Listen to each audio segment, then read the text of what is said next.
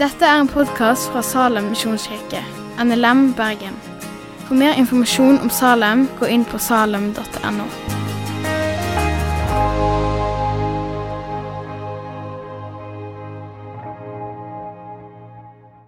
Ja, jeg heter Borghild. Eh, og eh, ikke så god på å snakke om meg sjøl, så jeg tror vi lar det være med det som er blitt sagt. Men bare spør meg etterpå hvis dere lurer på noe. Vi er i advent, så det er jo litt tema for teksten. En ventetid. Så For 2000 år siden så ble Gud menneske, og han flytta inn i nabolaget vårt. Han kom til og var i den verden han sjøl hadde skapt. Jesus han kom til sitt eget, men han ble ikke tatt imot av sine egne. Men det var noen som faktisk tok imot ham. Eh, de som trodde på han og satte sin lit til han. Eh, og disse ga han òg muligheten til å bli Guds barn. Og Dette er noe vi en gang venta på, at lyset som skinner i mørket, skulle komme. Men Jesus kom jo, eh, og lyset skinner i mørket nå. Men vi venter fortsatt på noe. Og det vi venter på, er ikke et nytt Jesusbarn i krybben, men vi venter på at Jesus skal komme igjen og gjøre alle ting nye. At det ikke skal være lys i mørket, men bare lys. At det skal bli dag. Det er litt sånn ventetid som kanskje er litt sånn som når noen av oss får en jobb. Så får vi jobben, vi har vært på intervjuet, men vi trer ikke inn i stillinga med en gang. Ikke sant, Gjermund? han ble pastor på nyåret, men han er påtroppende pastor per nå. Så det er en ventetid. Det er noe han er allerede, og så er det noe han fortsatt skal bli. da. Um, så kanskje det kan være en liten sammenligning med den ventetida. Og Dette gjelder både i livet våre, de av oss som lever som Guds barn, at det er noe vi eh, har fått, og noe vi skal få, men òg hvordan vi lever. At vi kjenner at ja, det er noe som ikke alltid stemmer helt, men det er livet vi egentlig venter på å få og skulle kunne leve. Vi kjenner en kamp mellom det gode og det onde i oss. Eh, men la oss bare lese dagens tekst eh, fra Johannes kapittel 16, vers 21-24. Der står det Når ei kvinne skal føde, så er hun engstelig for hennes time er kommet. Jeg kan se for meg det. Men når barnet er født, så har hun glemt smertene. Eh, ikke fordi hun har dårlig hukommelse, men i sin glede over at et menneske er kommet til verden. Sier Jesus til disiplene, òg dere er engstelige nå, men jeg skal komme til dere igjen. Og hjertet deres skal glede seg, og ingen skal ta gleden fra dere. På den dagen skal dere ikke ha mer å spørre meg om. Sannelig, sannelig, jeg sier dere, hvis dere ber Far om noe, skal Han gi dere det i mitt navn. Hittil har dere ikke bedt om noe i mitt navn. Be, og dere skal få, så gleden deres skal være fullkommen. Det er teksten vi skal snakke om i dag. Det er en del av Jesus' siste ord til sine etterfølgere, til sine lærlinger, til disiplene. Og I Johannes som dette er henta fra, så fra kapittel 13 til 17 så regnes det som Jesu avskjedstale og siste instruksjoner til disiplene. Og Vi kan ane to linjer når Jesus snakker om det med engstelse. Det ene er at disiplene er engstelige nå. For det er noe som kommer, og noe de ikke helt skjønner, som skal skje. Men de skal glede seg når Jesus står opp igjen fra de døde. Og de skal få se han igjen. Fordi når disiplene trodde at alt håp var ute, det var da Jesus ga dem håpet om et evig liv. Og den andre gleden eh, er at ja, eller bekymringa som kan bli til glede, er når vi virkelig skal få lov til å blomstre når Jesus kommer igjen. Når han gjør alle ting nye, så blir det en ny og større glede. Så begge eh, engstelsene er knytta til noe som eh, vi kjenner oss usikre på, og så er gleden som kommer, knytta til Jesus. Det å se og være med Jesus gir glede. Så Første punkt for oss i dag er å kjenne Gud. Hvis det er noen som tar notater, så er det tre hovedpunkt. Det første er å kjenne Gud. Og så er det fire underpunkt. Um, men så, for å bedre forstå teksten i dag og forstå på en måte hva det betyr å glemme fødselsriene, og det betyr når Jesus sier å be, så skal dere få, og løftene gir om glede, så må vi se litt nærmere på hvor vi kommer fra, eh, og hvor vi skal. Eh, og så må vi forstå utgangspunktet for vår relasjon til Gud. Og hva som skjer når vi blir hans barn. Og så kommer jeg til å si noen ord om bønn helt til slutt i talen. Så først så er det hvem Gud er. Fra Bibelens første setning til siste punktum så er Bibelen boka om Gud. Vi kan finne oss sjøl inni der, på godt og vondt, men Bibelen handler om Gud. Vi er ikke sentrum. Og Bibelen ikke bare lærer oss ting om Gud, men han gjør oss kjent med Gud. Så hvis du har lyst til å høre fra Gud, sånn som jeg, lengter etter mer av Han, så er det en god idé å lese Bibelen, for den er Guds ord. I Bibelen så lærer vi sannheten om hvem Gud er og alltid vil være. Vi lærer sannheten om hvem vi var skapt til å være, hvem vi er nå, og hvem vi er i stand til å gjøre, på godt og ondt. Bibelen er sykt deilig om akkurat det. Eh, og så handler det òg om forvandlingen Gud kan skape i oss, gjennom oss og rundt oss. I begynnelsen så skapte Gud. Innledninga av introen viser oss umiddelbart en rekke ting om Gud. Gud er skaper alle ting. Han er evig, han har ikke begynnelse, han har ikke en slutt. Han er kilden til og herskeren overalt. Gud står utenfor tid, sted og rom. Han er ikke begrensa. Han fyller jorden, osv. Alle de tinga her peker på Guds hellighet. Gud er Gud og ikke et menneske. Gud er hellig, Gud er annerledes. Gud er hellig, Gud er unik. Han er atskilt og ulik fra alt annet. Han er til stede, men ikke den samme som oss eller det andre han er nær. Han er ren, og han er heil. Gud er hellig, han er et eget vesen. Og det er én ting som har med Guds hellighet å gjøre, som jeg tror er kjempesentralt for oss, som jeg håper vi kan holde fast på. Og det er at Fordi Gud er Gud, fordi han er den han er, fordi han er hellig, så er det en ting han ikke kan. Gud kan ikke synde.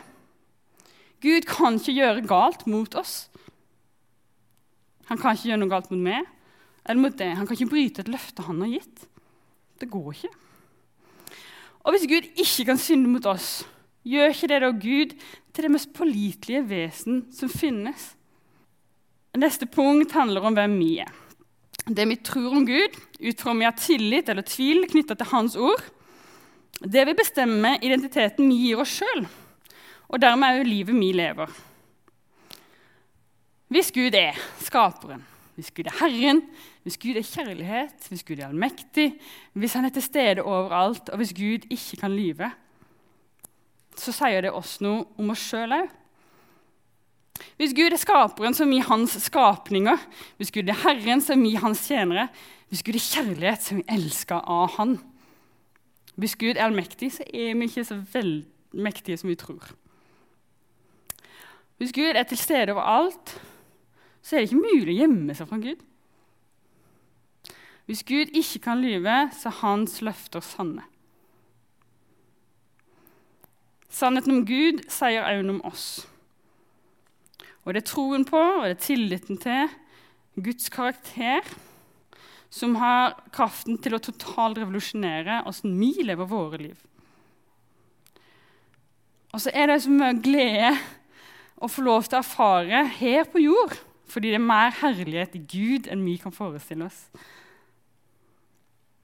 Og når vi vet og godtar dette Ja, da forandres ting.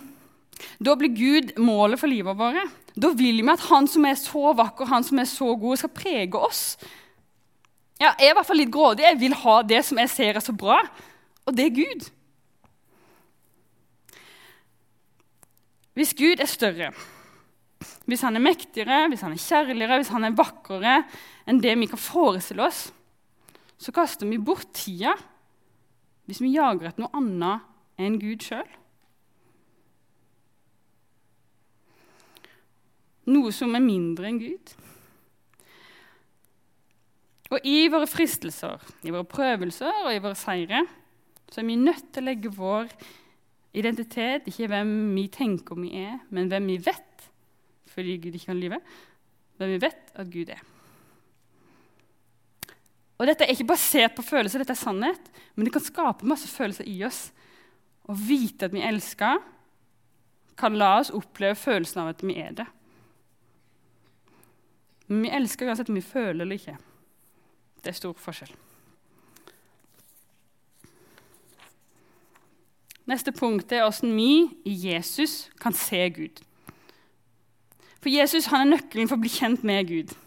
Han viser oss Guds hjerte og karakter. Bibelen forklarer at Jesus han er det synlige bildet på Gud som er usynlig.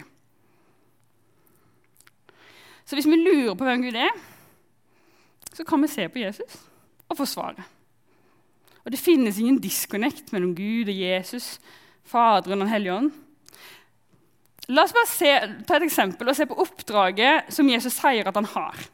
Det er profetert om før, og i Lukas kapittel 4 så sier han det sjøl. At dette er oppgaver Gud fått, og dette skal Jesus gjennomføre. Så dette er det Gud som vil, det er ikke Jesus som finner på seg sjøl.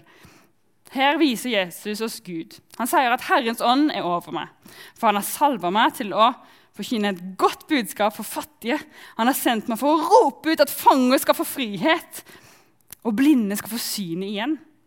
For å sette undertrykte fri og rope ut et nådens år fra Herren. Dette avslører Guds hjerte, for det er dette Jesus kom for. Så i dag så venter vi på at seieren som Jesus vant, skal få full innvirkning. Det avgjørende slaget har stått. Vendepunktet er, har vært. Men vi venter på dagen hvor krigen virkelig er over, og det skal være fred og glede som preger livet. Og Da skal Jesus herske som konge med sin fred. Han skal dømme mellom folkeslag og skifte rett for mange folk. Han skal bringe forvandling. Vi skal gjøre våpen om til redskap. I stedet for å rive ned, så skal vi bygge opp. Sånn blir det når Jesus regjerer. Så jeg snakker litt om hvordan vi i Jesus kan tilhøre Gud. Budskapet Bibelen gir oss. For Bibelen forteller oss sannheten om Gud, men også sannheten om oss. Sannheten om at Gud skapte oss en relasjon med Han, men vi valgte annerledes. Og vi må ta konsekvensen av det. Det gjelder de første menneskene, men det gjelder også oss i dag.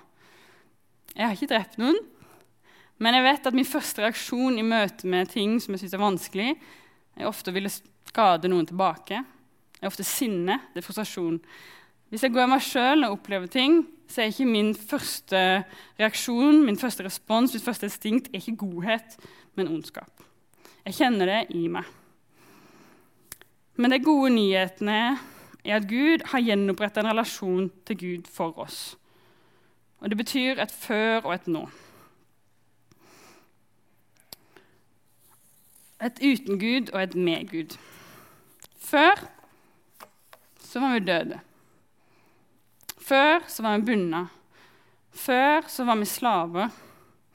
Og var alene på egen hånd, så var gjerningene våre onde. Vi var langt borte, vi var fiender. Vi var uten Gud i verden. Vi var utestengte og fremmede. Hvis du sitter her i dag og ikke vil ha noe med Gud å gjøre, så er dette beskrivelsen på du. Det var beskrivelsen på meg, men i Gud så har jeg fått en ny beskrivelse.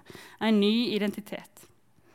Så Derfor håper jeg at talen i kveld kan være en invitasjon og et alvor. Fordi De gode nyhetene om Jesus er gode fordi realiteten er så alvorlig. Det er ikke sånn hyggelig bonus man kan slenge på. Det er liv eller død. Så jeg håper at hvis du sitter her i dag og ikke kjenner Jesus og ikke vil tro på han, at du tenker deg gjennom det på nytt. Og Dette er ikke noe for å skremme folk til himmelen, som om det hadde vært mulig. Men det er for å invitere deg inn i en herlighet som er større, inn i et liv som virkelig er liv. Fordi nå så er vi levende, vi som er Jesus. Vi er blitt redda, vi er blitt frigjort. Med Jesus kan vi tre inn i gode gjerninger som han har lagt ferdig for oss. Han legger opp for oss at vi kan gjøre godt istedenfor de onde gjerningene vi så lett faller i. Vi er kommet nær. Vi har fått fred. Vi har adgang til Gud som far. Vi er medborgere, og vi er Guds familie. Det er et før og et etter Et før og et nå, et uten Gud, et med eh, Gud, som forandrer alt. Og det fins ingen nøytral sone. Det går ikke an å si 'maybe attending'. ending'. Det er før eller nå. Bare en kort kommentar på det med gjerninger. Vi lever. Og Som mennesker så er vi nødt til å gjøre gjerninger. Vi, vi kan ikke leve uten å gjøre gjerninger. Vi tar valg hver dag. Så det er ikke et ingen gjerninger, gode gjerninger. Det er enten onde gjerninger eller gode gjerninger. Enten så farer jeg med sladder, eller så bygger jeg opp andre. Tier stille istedenfor å slenge dritt.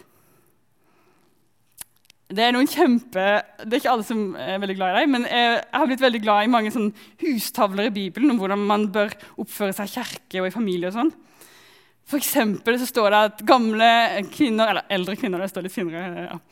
men at de ikke skal fare med sladder og være avhengige av masse vin. Og jeg tror liksom, Hvis dere har møtt noen på byen om kvelden etter Salem, som er litt sånn brisende gamle damer, så er det, liksom, det ikke det hyggeligste mennesket du møter på. kanskje. Eh, hvert fall ikke veldig sånn, Jeg syns ikke det er så veldig imponerende. Eh, men eh, istedenfor så blir de oppmuntra til å ikke være avhengige av den vinen. Så ikke avhengighet og ikke fare med sladder, men leve annerledes, være gode eksempler, vise andre gjerninger. Og det står om unge menn. Noe som jeg skulle ønske alle unge menn levde etter. alle unge kvinner er. For dette er sånn ting som blir pekt på, som ikke handler om at dette er den eneste tingen dere skal forholde deg til, men det er kanskje litt sånn svakheter man har. Unge menn skal være forstandige i all sin ferd. Bare tenk litt på det. Tenk på nyhetene, åssen det hadde blitt. Jeg vet ikke, jeg bare, det, er liksom, det er noe vakkert der. da. For det er en oppfordring og en oppmuntring til gode gjerninger. Hvis vi var forstandige i all vår ferd, i alt vi gjorde, uh, da hadde livet vært annerledes. da. Og det andre jeg har lyst til å dra fram, er Gud som far. Det er ikke alle som har en far eh, som min. eh, jeg har en pappa jeg får lov til å se på, og jeg vet han er glad i meg. Liksom, han kunne ikke liksom skjult om han prøvde engang. Eh, han har alltid vært der for meg og stilt opp for meg. Men jeg vet at det er ikke alle som har det sånn. Men Gud kan du se på. Du kan se på Jesus, og så kan du se her er den gode faren. Han som din biologiske, jordiske far egentlig skulle vært lik. Så nettopp det at vi kan komme til Gud som den gode far, kan hjelpe oss, oss som har en far som ikke har vært god mot oss. La oss møte han som faktisk er det. Så hele forskjellen på før og nå det er Gud. Dette er tatt ut fra bibelsted hvor de sa det var sånn, det var sånn, det var sånn. Men Gud. Og sånn og sånn og sånn. og sånn. Gud er forskjellen. Ikke oss, men Gud. Men det, alt baserer seg på vår relasjon med Gud. Om vi sier ja til Jesus eller nei til Jesus. Velger vi et liv med Gud eller et liv uten Gud? Fordi Jesus han stifta fred når han forsonte oss med Gud. Når Jesus døde på korset, så er det interessant, for Jesus døde, men han drepte fiendskapet. Han gjorde oss til familie. Bibelen formidler sannheten om tingenes tilstand. Den deler fakta med oss. Den presenterer oss en objektiv sannhet. Vi sliter, vi kan ikke redde oss sjøl. Blir vi i henne vi er nå, så vil vi gå til grunne. Samtidig så presenterer den de gode nyhetene. Det er en som ikke sliter. Det er en som bare kan og vil redde. En som kan gi frihet og glede. En som kan gi fremtid og håp. Tenk på det. Og hvis du er usikker, så si iallfall nei eller ja til Gud som han er. Som han lærer gjennom sitt ord, gjennom Bibelen, og ikke andres oppstykka meninger om han. Forhold i hvert fall til han. Valget er et liv uten Gud her. Da blir det et liv uten Gud i evigheten. Men vi har òg et annet valg. Vi kan velge et liv med Gud her, og det er et liv med Gud i evigheten.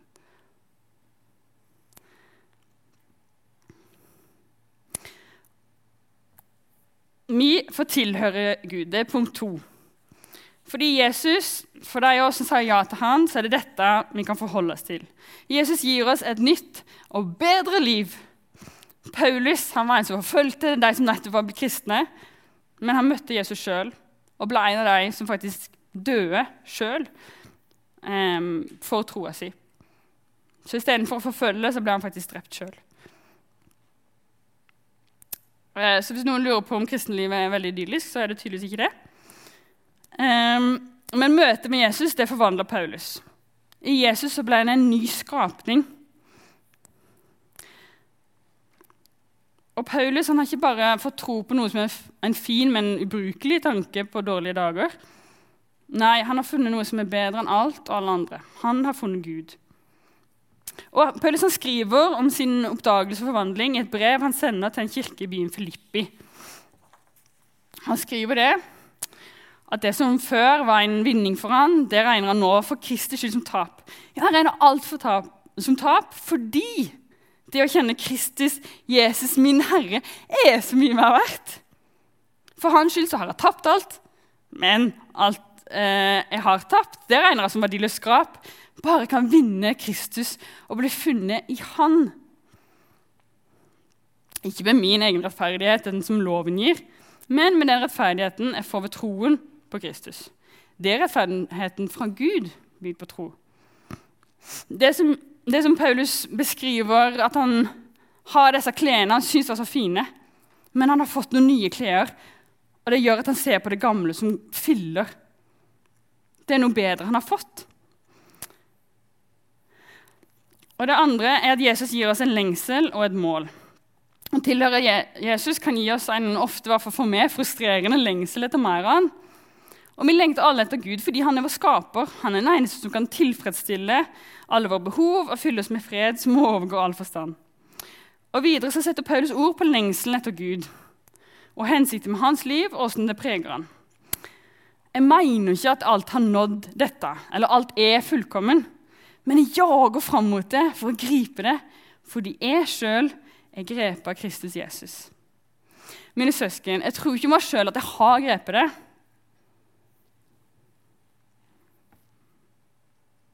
Men én ting gjør jeg. Jeg glemmer det som ligger bak, og strekker meg etter det som er foran og jager fram mot målet, mot den seiersprisen som Gud fra det høye har kalt oss til i Kristus Jesus. Det er et annerledes liv. Ok. La oss ta og lese teksten en gang til.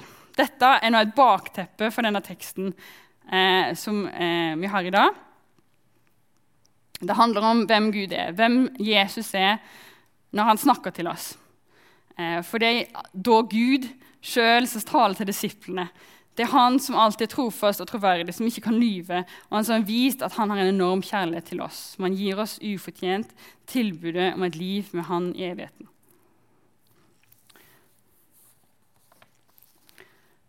Så når en kvinne skal føde, så er hun engstelig for hvordan time er kommet. Men når barnet er født, har hun glemt smertene i sin glede over at et menneske er kommet til verden. Au, dere er engstelige nå, men skal se dere igjen, og hjertet deres skal glede seg, og ingen skal ta gleden fra dere. På den dagen skal dere ikke ha mer å spørre meg om. Sannelig, sannelig, sier dere, hvis dere ber Far om noe, skal Han gi dere det i mitt navn. Hittil har dere ikke bedt om noe i mitt navn. Be hva dere skal få, så gleden deres skal være fullkommen.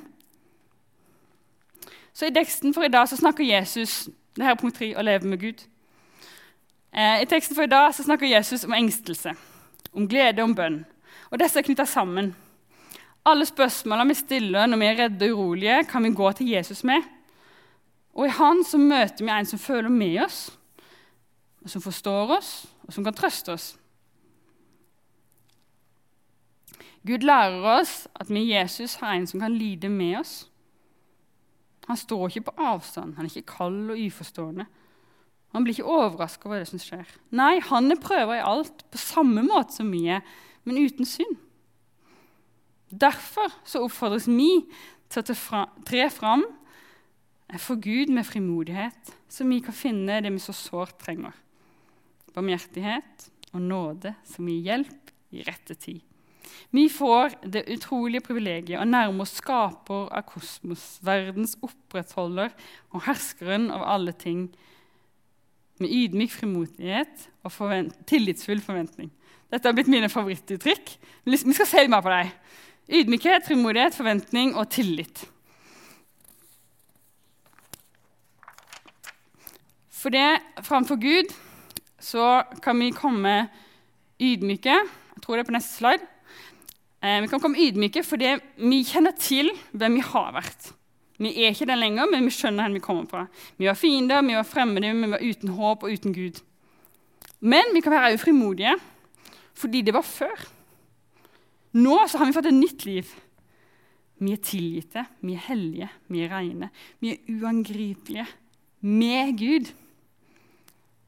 Og vi kan være forventningsfulle, fordi vi kan be i Jesu navn. Fordi vi er Jesus som hans, Guds barn. Og Gud er rik, og han gir villig til de som er hans barn. Og Vi kan være tillitsfulle fordi vi kan stole på Guds godhet, på at han gir gode gaver, og at Gud svarer i sin store visdom og gode vilje. Da jeg var liten, så pleide jeg å sette meg ned med reklamebladene som kom i posten før jul. Og Det var så masse spennende. Det var snowboard, og det var perler, og det var tryllesett og maling. Og jeg ringer rundt og sa å, dette har jeg litt lyst på, dette har jeg lyst på, dette vet jeg ikke helt det, men jeg har lyst på det òg. Eh, og så ringer jeg ekstra godt rundt liksom, og viste mamma liksom, dette har jeg superlyst på, og dette har jeg lyst på. Og mamma var litt sånn litt sånn, ja, oppgitt, kanskje, eh, og litt eh, eh ja, litt lei seg, litt overgitt, fordi jeg spurte om mer enn hun kunne gi, eller i sin klokskap ville gi meg. Hun sa til meg men Borghild, jeg kan ikke gi deg alt dette. Mitt svar var enkelt. Ja, men jeg bare spør, jeg. Og målet mitt er at vi kan ha litt denne holdningen til Gud. For han er rik nok til å gi hva enn, men han er god nok til ikke å gi oss alt vi ber om. Så la oss bare spørre, og ha tillit til at han vet og han skal svare. Og så kan vi spørre om det òg, om hjelp til å be sånn som Jesus ville bedt. I Jesus er alt gitt oss. Vi har mer enn en himmelbillett. Vi har Jesus i livet nå. Og vi kan gjøre en vane å legge hver synd, all vår utilstrekkelighet, vår sorg, vår skam, vårt sinne, vår sår, alle ting i Guds hender. Men det er ikke bare en sånn psykologisk øvelse i å tømme seg sjøl. Det er en byttehandel. Vi kan bli fylt av Guds fylde. I bytte kan vi få hans tilgivelse, styrke, trøst og renselse. Hans fred, hans legedom, hans glede. Vi kan få han. Jeg husker sjøl jeg ba Gud om visdom. Og så satt jeg der og var kjempefrustrert. Jeg var sånn, det er ikke plass til visdom her. Eh, så bønna mi endra seg. Jeg hadde akkurat lest om at Jesus døde på korset for meg. At han hadde tok min skyld på å se. Så sa Jesus tok det med deg Kan du òg da ta min frustrasjon? Fordi du ga meg liv når det eneste jeg kunne tilby deg, var død. Kan du ta min frustrasjon vekk fra meg og fylle meg med din visdom istedenfor? Kan vi bytte? Og Seinere sa jeg en gjentagende øvelse, gjentagende øvelse i mitt liv er Gud. Kan du ta min sorg? Kan du ta mitt savn? Kan du ta min uro? Kan du bytte det ut med glede, med trøst og med tillit? Òg når jeg er uenig, med hva du gjør, og hvorfor du gjør det. Men du vet bedre enn meg.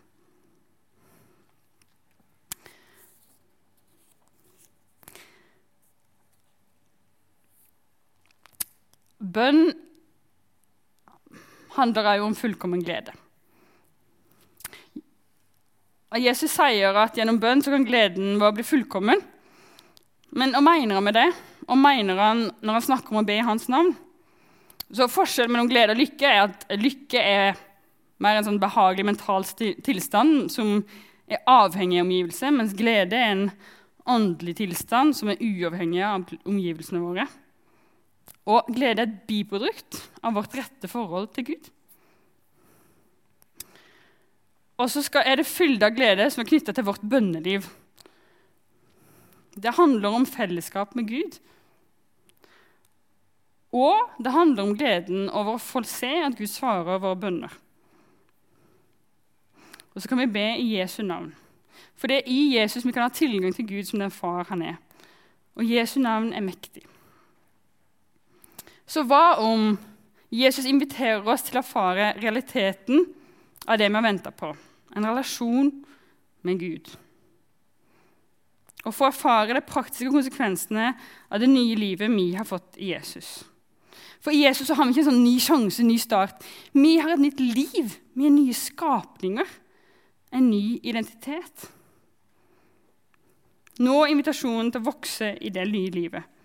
Det som leves i troen på Han som elsker oss og ga seg sjøl for oss. I troen på Jesus, Guds sønn.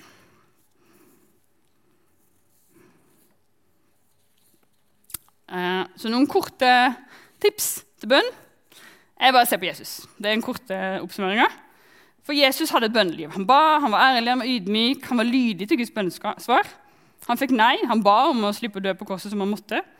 Og I Bibelen så står det ikke at han fikk et svar engang, men han tok det tydeligvis som et nei eh, og fullførte. Og det er jo jeg glad for i dag. Og Så lærte han disiplene å be, så vi kan gå til Bibelen og se hvordan de ba. Og så kan vi vite at nei er jo et svar, men det er alltid et godt svar når det kommer fra en god Gud.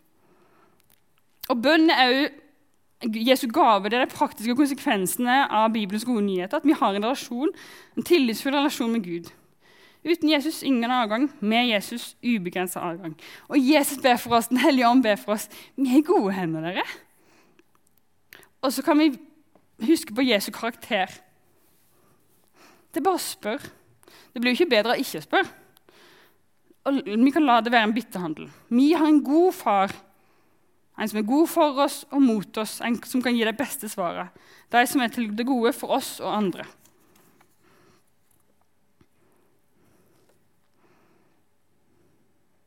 Det er Gud som er nær oss. Så la oss be i tro, i tillit og takknemlighet til Jesus. Så skal vi få alle gaver som gode giver. Av han så skal vi få han som ikke sparte sin egen sønn. Av Gud altså, så skal vi få alle ting sammen med Jesus. Av Jesus så kan vi kalle Gud for far. Så la oss be da i Jesu navn og ta imot Guds gode svar. La oss be så gleden vår kan være fullkommen. Eh, avslutta med et litt sitat fra Walt Disney. Det var eh, i presentasjonen fra før, så jeg tenkte bare beholdt det der. Eh, så måten å komme i gang på er å slutte å snakke og sette i gang. Jeg er straks ferdig med talen. Eh, og ja, vi snakker om det, jeg og Gjermund. Mottoet mitt er litt sånn fake it till you make it. Eh, bare be. Bare spør. Bare les. Bare snakk med Gud. Um, å være perfekt er ikke tingen, men å være ærlig og være nær Gud. Så la meg be en omformulert bønn fra Bibelen for oss til slutt. Kjære Gud, vil du hjelpe oss å være glade og ha det godt i deg. La oss ha det som en plante i frodige omgivelser, så vi kan fryde oss i det. Gud, vil du hjelpe oss å la alle mennesker merke at vi er rettferdige, at vi er milde, at vi er gode. For du er nær, og du kommer snart. Vil du hjelpe oss å ikke være plaga av bekymring for noe eller noen, men la det hele, la alle og alle ting komme fram for deg. Ja, vil du hjelpe oss å be og være takknemlige? Takk for at du har lova din trygghet og beskyttelse, som er høyere og bedre enn vår intellekt og våre forståelser av ting. At den skal vokte og beskytte våre tanker og vårt aller innerste beskytte vårt mest intime i Jesus. Takk for at du er vår far, og at vi kan komme til deg som vi er. I ditt gode navn, Jesus. Amen. Takk for at du har hørt på podkasten fra Salem, Bergen. I Salem vil vi vinne, bevare, utruste og sende, til Guds ære. Vi ønsker å se mennesker finne fellesskap, møte Jesus og bli disippelgjort her i Bergen og i resten av verden. Vil du vite mer om oss, gå inn på salem.no.